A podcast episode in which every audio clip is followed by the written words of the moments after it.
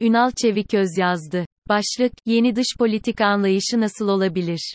Türkiye, Cumhuriyetimizin kuruluşunun 100. yıl dönümünde önemli bir dönemeçte.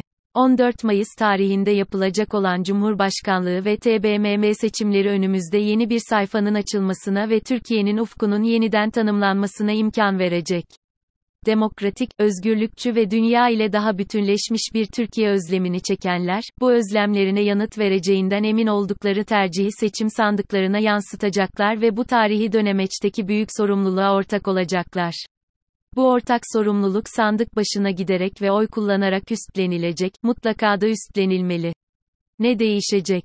Sorumlulukla hareket eden Millet İttifakı güçlendirilmiş parlamenter sistem, ortak mutabakat metni ve parlamenter sisteme geçiş için gerekli yol haritasını kamuoyu ile paylaştı. Cumhurbaşkanlığı seçimleri için adayını açıkladığı gibi, Cumhurbaşkanı yardımcılarının da isimlerini şimdiden belirledi, kamuoyunu bu konuda bilgilendirdi. Her alanda olduğu gibi, dış politikada izlenecek çizgi de saptandı. Aslında merak edilen soruların tümünün yanıtları bu belgelerde mevcut, ancak iktidar çevrelerinin kafa karıştırıcı politikalarını savunanların ısrarla uğraştıkları konu, şu veya bu partinin dış politika alanında atacağı herhangi bir adımın nasıl olacağı sorusu. Benzer sorular Millet İttifakı'nın Cumhurbaşkanı adayı tarafından dış politika alanında izlenecek yol hakkında da sürekli tekrarlanıyor. Dikkatten kaçan önemli bir husus var, bu soruların hemen tümünün arka planında bir tek adam yaklaşımının etkisi hissediliyor.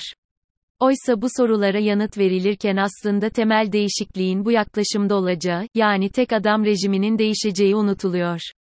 Millet İttifakı bir tek adam yönetim modeli değil, olmayacak. Türkiye'nin zengin ve renkli sosyoekonomik ve siyasal yapısının aynası gibi, bir beraberlik ve ekip anlayışını hayata geçirecek.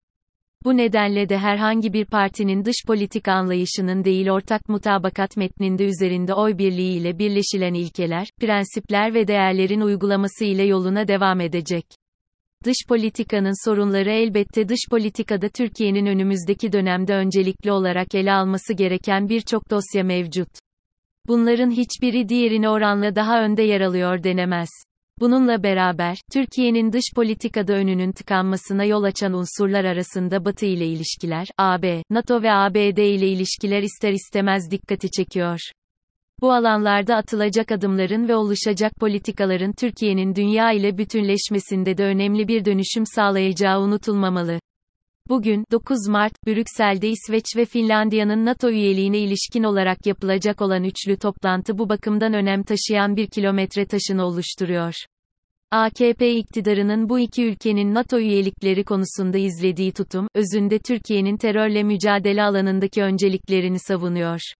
Nitekim, Türkiye, İsveç ve Finlandiya arasında Madrid'de imzalanan üçlü mutabakat muhtırası Türkiye'nin duyarlılıklarının bu iki ülke tarafından daha çok dikkate alınması sonucunu doğurdu.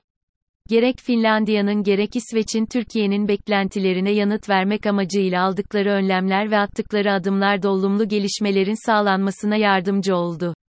Bununla birlikte, iktidarın bu tutumu müttefiklerin bir kısmı tarafından bir ortak savunma örgütünün en temel özelliği olan güvenliğin bölünmezliği ilkesini ve NATO'nun güçlendirilmesine yönelik arayışı göz ardı eden bir yaklaşım olarak yorumlandı.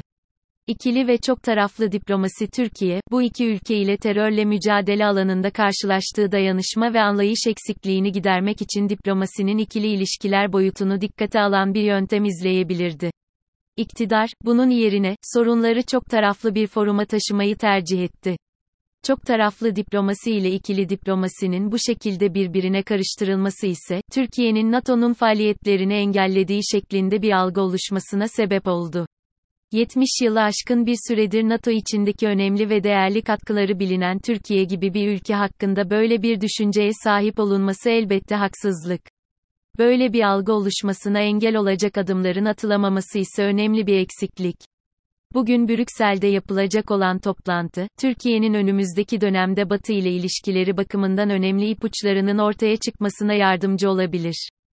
Nokta. Birçok gözlemci Türkiye'nin Rusya'dan S-400 hava savunma sistemlerini satın almasının F-35 projesinden çıkarılmasına sebep olduğunu dile getiriyor.